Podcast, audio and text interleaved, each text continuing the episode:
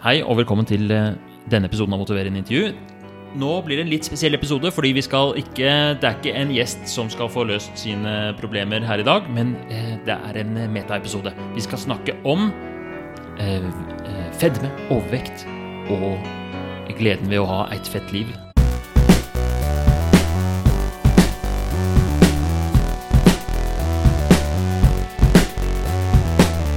Jeg vet ikke om dere har sett NRK-dokumentaren om Ronny Brede Aase, som eh, lever et fett liv. Og i hvert fall den har jeg og Anette, som er min gjest i dag, vi har sett den. Og vi har masse vi har lyst til å snakke om. Om, om overvekt, levevaneendringer generelt, om motiverende intervju og om det å hjelpe pasienter med å, å leve sunnere.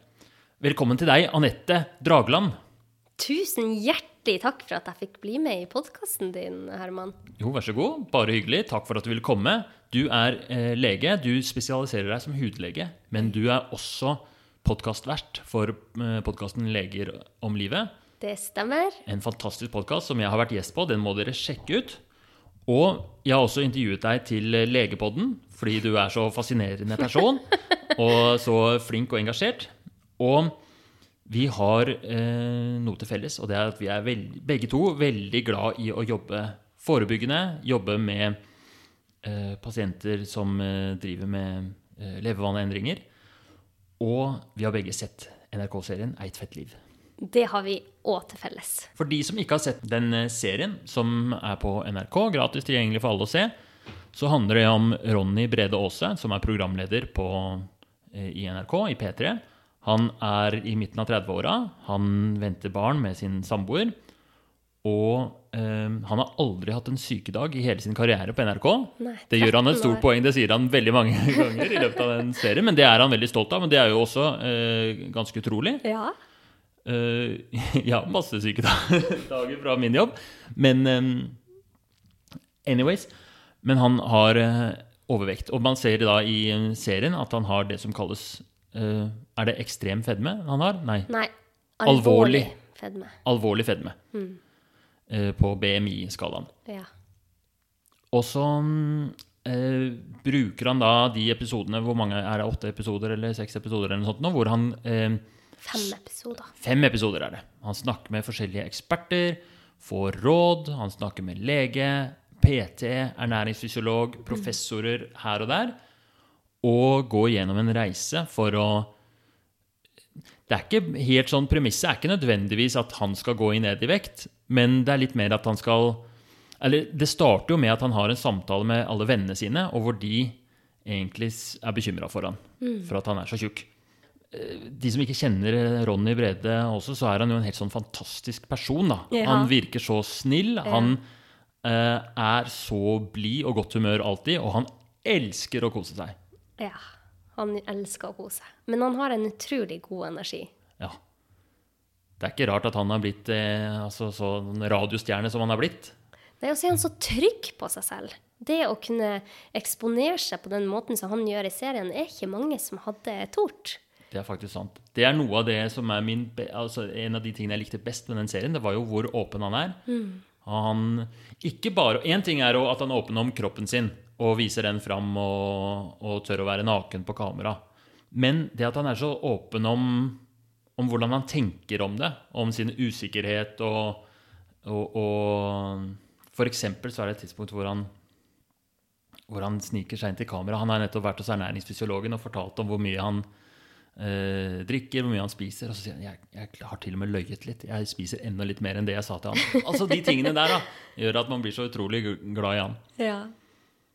Hva, er dine, hva var det beste du likte med den serien? Nei, altså jeg likte veldig godt det at man ser at han og kjæresten sin, og Tuva, har et så godt og trygt forhold, og de er så glad i hverandre. Og eh, jeg likte òg veldig godt eh, det at man ser en fyr som er så glad i å kose seg, og ja, han vil jo bare leve det gode liv. Men så ser man òg at kanskje det gode liv ikke nødvendigvis trenger å være forbundet med øl og all den maten. For det er ganske ekstreme mengder, kommer vi fram til. At, eller han har i hvert fall et kalorioverskudd som er høyt. Ja. Han hadde på et tidspunkt så kom det fram at han har 800 kalorier for mye om dagen. eller noe sånt nå. ja og så han- drikker han 30 øl i uka, eller noe sånt. Ja. Så det er jo, det er jo ikke bærekraftig. Det var også det, det du sa med hun Tuva, ja. kjæresten.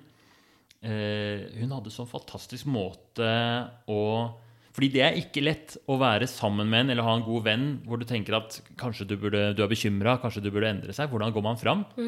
Måten de snakka om det sammen, syns jeg var veldig fin. Ja. At uh, hun tør å si sånn 'Jeg er bekymret for det', og uh, sa hun kanskje på et tidspunkt sånn 'Vi skal jo få barn sammen, og barnebarnet vil at du skal være der så lenge som mulig', og sånne ting.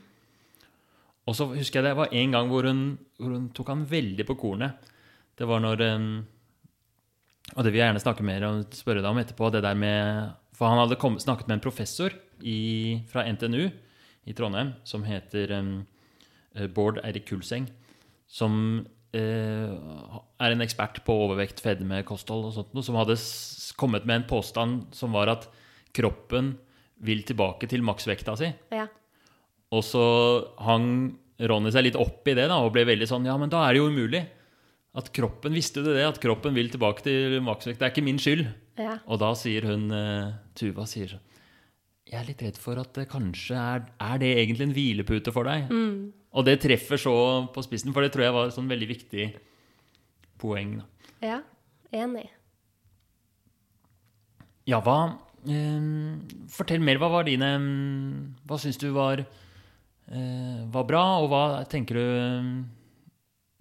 For vi har jo også noen sånne innspill her som vi tenker at eh, Særlig når det kommer til motiverende intervju og hvordan Vi har begge mange tanker om hvordan man skal jobbe med livsstilsendringer. da.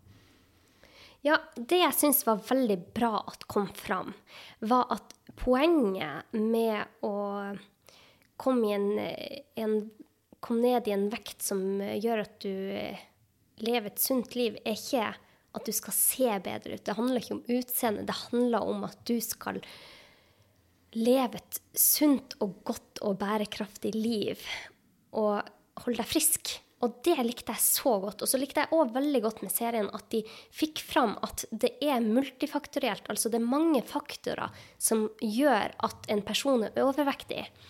Og det blir jeg så glad for at kommer fram, fordi at overvekt er ikke bare kalorier inn og eh, hvor mye du trener. Det handler om mange forskjellige faktorer her som er viktig å få belyst. Og det jeg tenker som er- kommer ut av denne serien, er at man da må se på hver enkelt hvis man eh, skal eh, Hvis man er en person som ønsker å gå ned i vekt, eller man har en pasient som eh, ønsker å gå ned i vekt, så må man prøve å finne akkurat deres årsaker til hvorfor de havna der de er. Fordi det er ikke en one size fits all. Det er kanskje akkurat Ronny sitt problem var at eh, ja, han drakk jo veldig mange øl i løpet av uka. Han eh, hadde en lit, litt, kanskje litt snever tankegang om hva det betyr å kose seg eh, som han fikk hjelp med gjennom serien og fikk belyst. Mens for andre, som han Terje f.eks., så kan det være at han bare sover fire timer om dagen og ikke får da, og derfor spiser mange flere kalorier for å ta igjen den tapte energien. Eller Rokari, som stresser altfor mye og får aldri tid til å lage seg ordentlig mat og bare spiser ultraprosessert mat. Det er så mange årsaker til hvorfor man er i den situasjonen man er i. Og det syns jeg var kjempebra at man fikk eh, kartlagt her i denne serien. Det er akkurat det. at øh, Nå er det jo, Hvis du ikke har sett den, så kan det hende det blir litt spoilers her. da. Men i hvert fall på et eh, tidspunkt så kommer det fram det der med at han har et snevert syn på kos. Han eh, har så mye glede av den der halvliteren med øl og å være ute med venner. Og at et sånt grep som gjøres, er at han drar på vinsmaking og lærer seg å nyte hvitvin. Han det er en sånn vinekspert som viser han, ja, og så prøv, og så kanskje du kjenner sitrussmaken. Ja, det er sånn og sånn. Og så, han litt, så ble han litt interessert i vin. Og så neste gang han var, hadde venner på besøk, så drakk de vin istedenfor øl. Og det er jo ikke et sånt intuitivt grep Eller jeg tror ikke det er noe fruktbart heller å si til alle som er overvektige du må uh, lære deg å sette pris på vin. Det er ikke sikkert det er fruktbart i det hele tatt, men for han så var det en, både noe som han var motivert til, og som vil ha en effekt på hans overvekt. da. Ja, Det var også veldig bra. ja det syns jeg var kjempebra. Når ehm, En ting som jeg jo er opptatt av, er jo motiverende intervju. Hvordan man snakker med folk om levevannendringer. For det viser det seg at det er, har utrolig mye å si hva slags eh, inngang man har til det. Hvordan man ehm, eh, hvordan man forholder seg til folk. Om man sitter og har den sånn klassiske patriarkalske innstillingen, hvor man gir råd og sier 'du må skjerpe deg', 'sånn skal du gjøre', 'det er bare å trene mer, spise mindre', kom igjen. Eller om man har en motiverende intervjuinnstilling, hvor man stiller åpne spørsmål, hvor man eh, lar pasienten eie endringsprosessen sin. Og det eh, vil jeg bare trekke fra, for det ble belyst altså så bra i den serien. Eh, ikke så bra hvordan man skal gjøre det, men hvordan man ikke skal gjøre det. Fordi i første episode så har Ronny en prat med Harald Eia, som er en NRK-kollega, og som kanskje Norges morsomste mann, eh, komiker og rikssynser. Og eh, altså de der seriene til Harald Eia om, ja, Jeg må bare skryte av nå, for det kommer kritikk etterpå. Ja, Men den derre eh, Sånn er Norge-serien. ja kjempebra. Fantastisk! Eh, det burde jo vært pensum på skolen. Anyways. Harald Eia bruker jo den der metodikken. Og det gjør jo at det er underholdende å se på sånt nå. Og det er kanskje det man ofte tenker når man, eh, når man møter en som har et overvekstproblem. Så sier han at du må skjerpe deg. Eh, du er en byrde for samfunnet med overvekten din. Og er veldig hard. Og man merker man ser jo det på Ronny, at han blir jo helt Det er veldig tøft for han. Ja. Men han driver og ler det bort og sånn. Det tror jeg eh, Det kan vi også snakke om. Hans eh, psykologiske profil. Jeg tror han er en person som finner liksom trygghet i å holde stemningen lett og, og le ting vekk. Men det tror jeg var veldig tungt for han Ja, å ja. høre. Og det som skjer da, er at eh, jeg tror ikke han ble så veldig motivert til å gjøre endring av den eh, praten med Harald Eia. Jeg tror han ble mer motivert til å komme med et motargument. Han ble mer Eller det, jeg tror det vokste Istedenfor motivasjon, så vokste det motstand. Og det ser man så klart og tydelig at når han senere snakker med denne eksperten fra NTNU som sier ja, men det med det å trene mer og spise mindre, det hjelper ikke så mye. Kroppen vil tilbake til sin maksvekt. Det er masse systemer, og man klarer ikke å gå ned i vekt alene hvis man bare baserer seg på viljestyrke.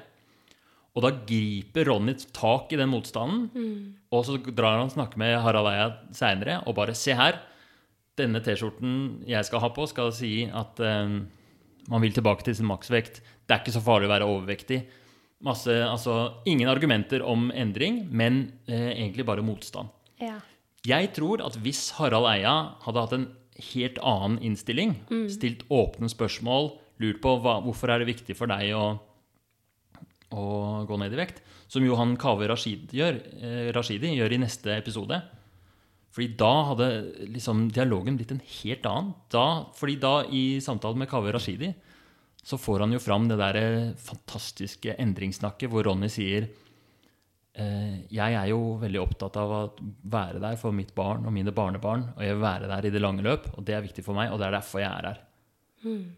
Og alt det var liksom Forskjellen var at um, um, Harald Eia kom med sånn fordømmende og skjerp deg-utsagn. Mens Kaveh Rashidi han stilte bare et åpent spørsmål. 'Hvorfor er du her i dag?' Og så kom det fantastiske.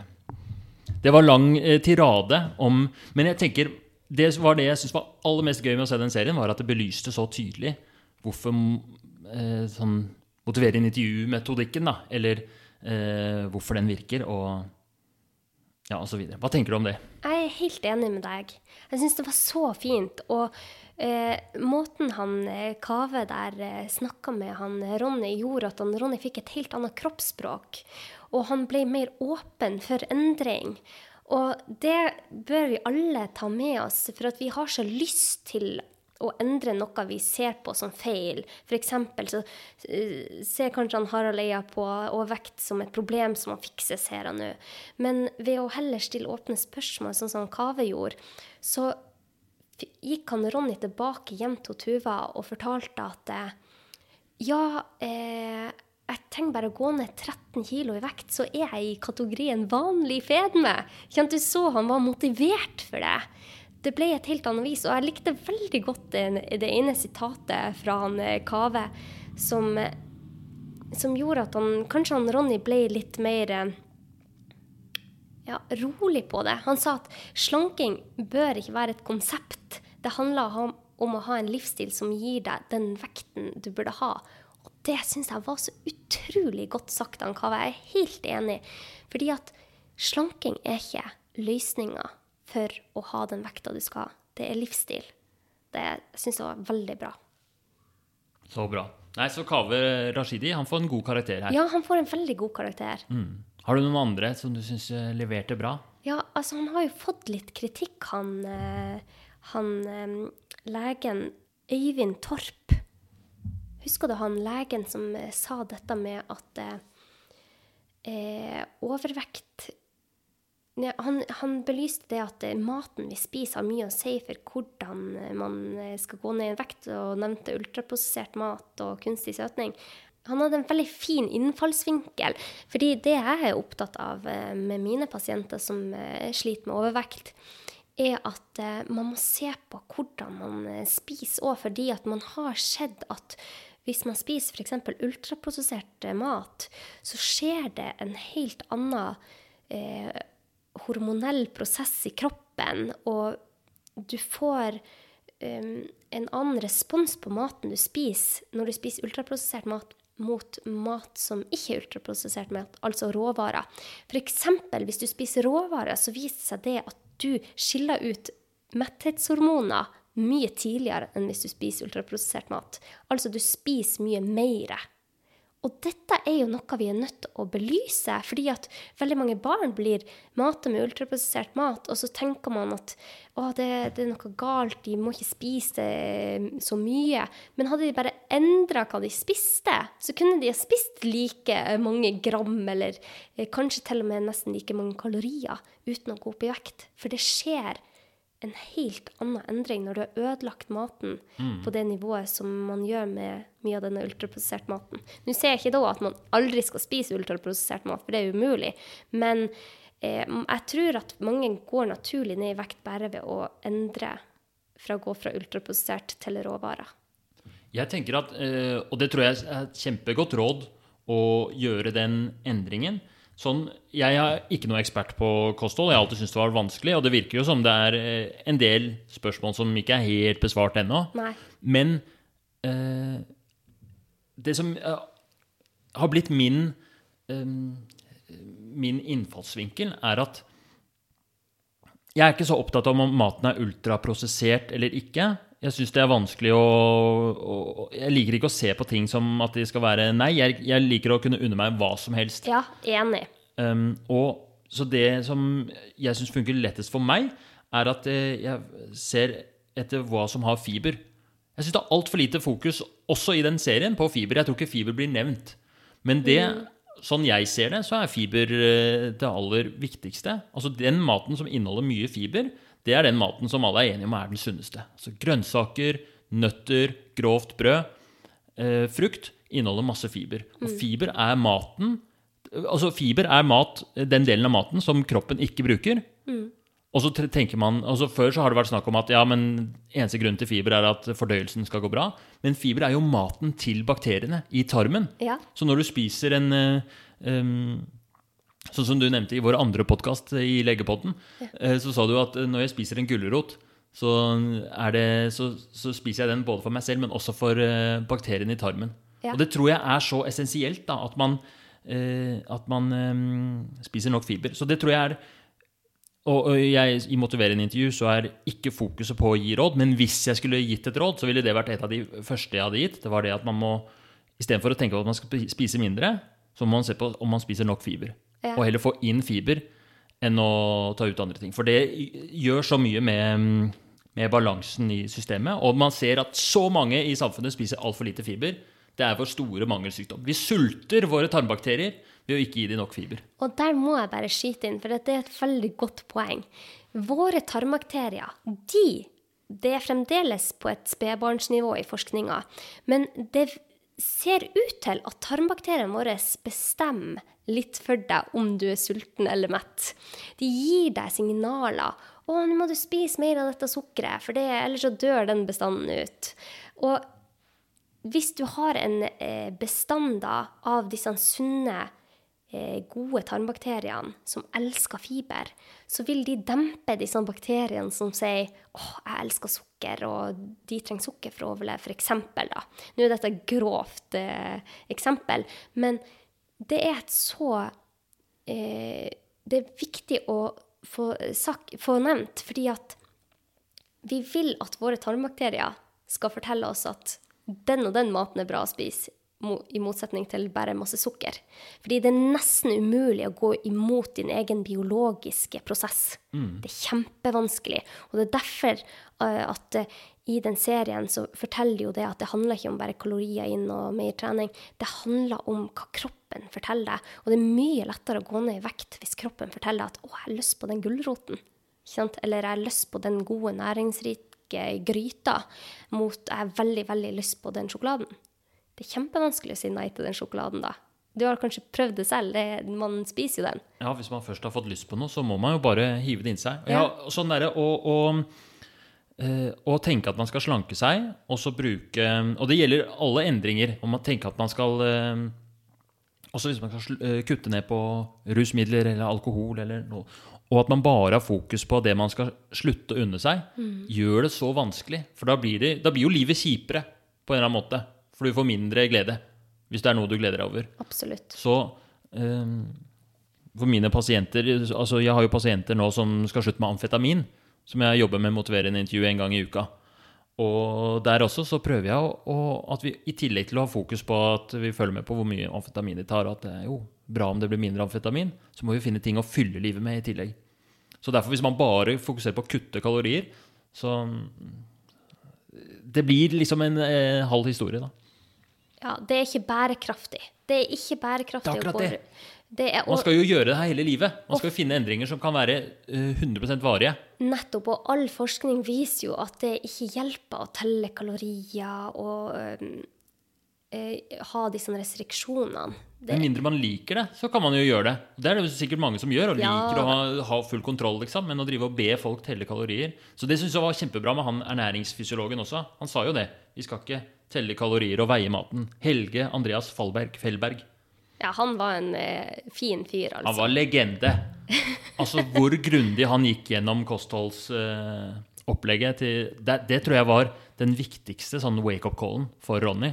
At han kunne se der at eh, Fordi han var så fin i måten han møtte ham på. ikke sant? Han var, vi skal ikke gjøre noe endringer som ikke du vil. Du skal få bestemme hele løypa. Eh, og, og var veldig sånn avvæpnende. Det syns jeg er kjempeviktig. Og fikk da Ronny til å liksom fortelle om alle tingene. Og da var det Ronny selv som spurte. Det var aldri han eh, ernæringsfysiologen som sa Visste du at det er eh, eh, 1100 kalorier i en sjokoladeplate? Men han fikk Ronny til å spørre selv. Du, hvor mange kalorier er det egentlig i den sjokoladeplata? Ja. 1100, sa han ernæringsfysiologen, og så sa, han, eh, sa Ronny det er ikke sant. Han hadde ingen begrep om det. Og det er jo Ja.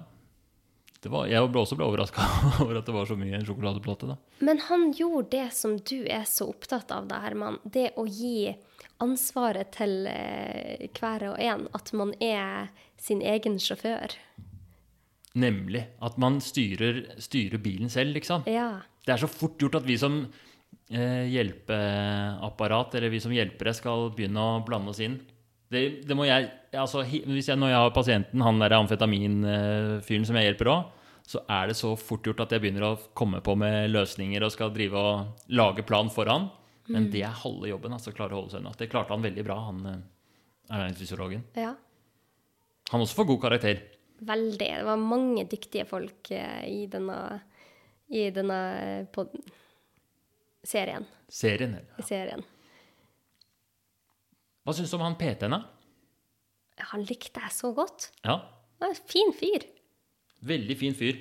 Eh, Akkurat det med trening er jo også et sånt veldig stort tema. Ja, altså, det jeg ville sagt til han Ronny hvis han var min pasient Nå skal ikke man komme med råd, men veldig fint hvis du elsker å drive med crossfit eller få en PT, så er det supert. Men for veldig mange så kan bare det å gå seg en 20 minutters rask tur være nok. For det jeg er veldig opptatt av med mine pasienter, hvis de f.eks. ønsker å gå ned i vekt, er at de ikke må ta for mange steg om gangen. Så jeg bruker egentlig ikke å nevne trening i starten.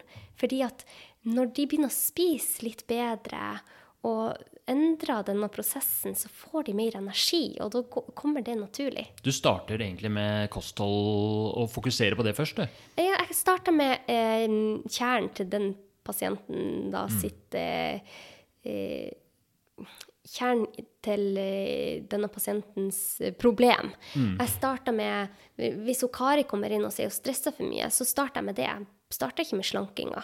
Eller hvis han eh, eh, Terje kommer inn og sier at han ikke sover om natta, så må jeg ta tak i det. Fordi de herene årsakene spiller, har en stor innvirkning på overvekt, har det vist seg.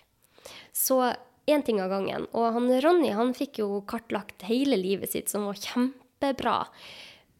Men det jeg likte veldig godt, er at han fikk kartlagt OK, ja, jeg drikker jo veldig mange øl for eksempel i uka. Ja. Og bare ved å kutte ut det, så fikk du kutta ut ganske mange kalorier. Og som han Kave sa, bare å kutte den ølen, så har du gjort at kroppen din har det mye bedre om du ikke går ned i vekt eller eh, går ned masse i vekt. Så har du gjort en stor eh, Har du gitt kroppen din mye god hjelp bare med det. Så Ja, man må se litt, man må se litt individ. Eh, man må Mm. være litt individtilpassa hver enkelt når man eh, ser på overvekt, akkurat som alle andre sykdommer. Ja, og Det er derfor det blir så mm, Det syns jeg også var beløst så bra i serien. Det, det blir så dumt, det samfunnet, måten er lagt opp til, at alle går rundt i sin egen boble og skal leve livene sine basert på liksom, korreksjonen som kommer på forsida av Dagbladet og VG. Ja. At liksom, du skal gå ned i vekt, og du skal gjøre sånn og sånn, og du skal, her er de ti rådene du får, liksom. Og så er det ingenting som er eh, tilpasset. Nei, du har funnet en gullstandard som skal passe til alle. Akkurat som det finnes ikke en skostørrelse som passer alle. Man må finne ut der skoen trykker hos hver enkelt. Ja, Til noe så enkelt som å finne en sko, så er det ofte at man trenger hjelp ikke sant? av Ja. en eller annen medarbeider. Som er sånn 'Hei, det er akkurat den skoen der, du må opp en, de er små i størrelsen', bla, bla, bla. Ja. Til noe så enkelt. Så hvorfor skal man til noe så vanskelig som uh, å designe livet sitt på en måte som gjør at man uh, Eller endre livsskuta si, sin kurs, sånn at man kommer inn på en måte hvor du ikke leder til tidlig sykdom og død. Det er jo ekstremt komplisert. Ja. Og så forventes det at man skal gjøre det bare man ser en forside hvor det står sånn du er i fare for å få hjerte-karsykdom hvis du veier sånn og så mye.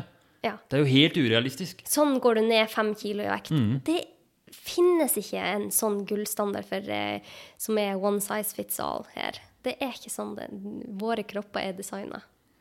Jeg tror at altså, Det funka jo også fantastisk bra på Ronny. Han går jo ned en massiv vekt.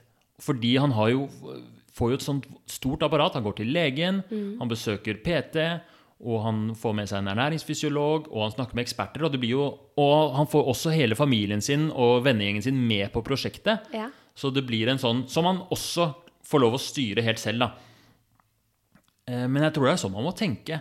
Så, når vi har pasienter, enten om du er fastlege eller, eller eh, At vi må, vi må liksom få apparatet rundt, og så må de styre. Må de få lov å eie denne prosessen selv. Men å drive og, og, legge for mye forventninger og si bare 'spis mindre, trene mer', det går ikke. Nei, nei, nei. Det gjør faktisk bare vondt verre, det. Og det viser jo forskninga at veldig mange som prøver å gå ned i vekt, ender opp med faktisk å ha høyere vekt etter ei stund enn de begynte med når de, slank, når de begynte slankekuren. Altså, en av de årsakene til overvekt i samfunnet uh, viste det jo, ha, har jo med stress å gjøre, depresjon um, For mange så kan spising være en måte å dempe vanskelige følelser. Så hvis man setter i gang med å gi noen en forventning om at dette her er lett, dette skal du klare på 1, 2, 3 på egen hånd, og så uh, setter du i gang med et prosjekt som du egentlig er dømt til å feile, så vil du jo bli mer stressa, mer ulykkelig, og så kanskje ende med å spise mer. Da. At det kan være en grunn til at Ja. at det skjer. Det tror jeg er et godt poeng. Slanking. Jeg tror det mm, En ting som jeg savna i serien, var jo frisklivssentral. For det er noe som vi har i, i de fleste bydeler og kommuner i landet. Så opprettes det frisklivssentraler som er laget hvor det er folk som sitter klare for å hjelpe folk med forebyggende og levevannendringer Så det kunne de nevnt i serien, at det, det er et fint sted å starte hvis man har noen endringer. Om man vil slutte å røyke, eller om man vil gå ned i vekt, så kan man bli henvist til livssentralen og få hjelp der. Der, de, der er de knallgode på å motivere en intervju. Ja. Så men hvis han Ronny kom inn til deg, da, hva ville du ha gjort? Første eh, steget er jo Jeg ville spurt akkurat som Kaveh Rashidi starta. Han stilte åpne spørsmål, fikk fram den derre gylne endringsuttalelsen til Ronny om at han ville ned i vekt, og det var viktig for ham pga. familien og fremtida og, og sånt noe. Å få fram alle de der tingene, det var at han ikke turte å gå på vekta, f.eks. Mm. Kjempeviktig. Og så fikk han også i gang med de der konkrete. Tok blodtrykk og gjorde en eh, grundig utredning. Men jeg ville brukt enda mer tid på å stille han spørsmål og komme til bunns i. Hva er det, hva er det han vil? Stille han spørsmålene hva er fordelene for deg hvis du går ned i vekt? Hva er fordelene for deg hvis du ikke går ned i vekt? Hva er ulempene? Eh, hvordan er det med mestringsfølelsen din? Du, tror du at du kan få det til? Hva er det som gjør at du tror du kommer til å feile eller ikke kommer til å feile? Alle disse åpne spørsmålene virkelig utforske både liksom hans eh, livsstil, men også hva han tenker om det. For jeg tror det ligger masse fortsatt ambivalens der som vi ikke kom til bunns i da, i den episoden. Ja, for motiverende intervju har jo den her en ambivalensfirkanten Ja, som du gikk inn på nå. Den håper jeg lytterne våre begynner å bli gode på. At man, det er liksom grunnverktøyet i det motiverende intervjuet er ambivalensfirkanten, hvor man spør om fordeler og ulemper ved å gjøre en endring, og fordeler og ulemper ved å ha det akkurat sånn som man har det nå. Og bare ved å stille de spørsmålene og holde seg stille i stolen, liksom, så kommer det fram så mye av pasientens eh, ambivalens, grunnene til at eh, eh, han har det som han har det. Og ved å få de ut på, på liksom, i lufta og fram, ned på arket, så er det veldig ofte at pasienten får noen sånne aha-opplevelser. Så, mm, eh, så det, det hadde vært min måte å gå frem. Å begynne der. Helt enkelt.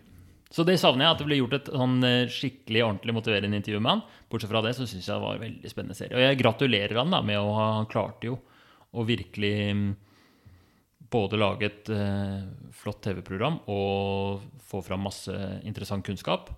Og også gjøre endringer for seg sjøl. Han så jo så godt ut, den, eh, den siste episoden. Ja, ja, ja. Jeg er helt enig. Og vi fikk belyst eh, denne problemstillinga på et helt annet vis enn vi har gjort i Norge før. Så det er kjempebra. Og jeg tror den eh, gjorde at vi skifta litt tankegang når vi ser på dette med overvekt.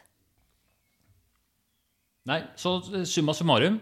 Kjempegodt jobba av Ronny og NRK-teamet. Ja, veldig bra. Og hva heter han, han derre som var bestekompisen hans? Han var jo en legende, da. Han Ja. var mer på TV-skjermen.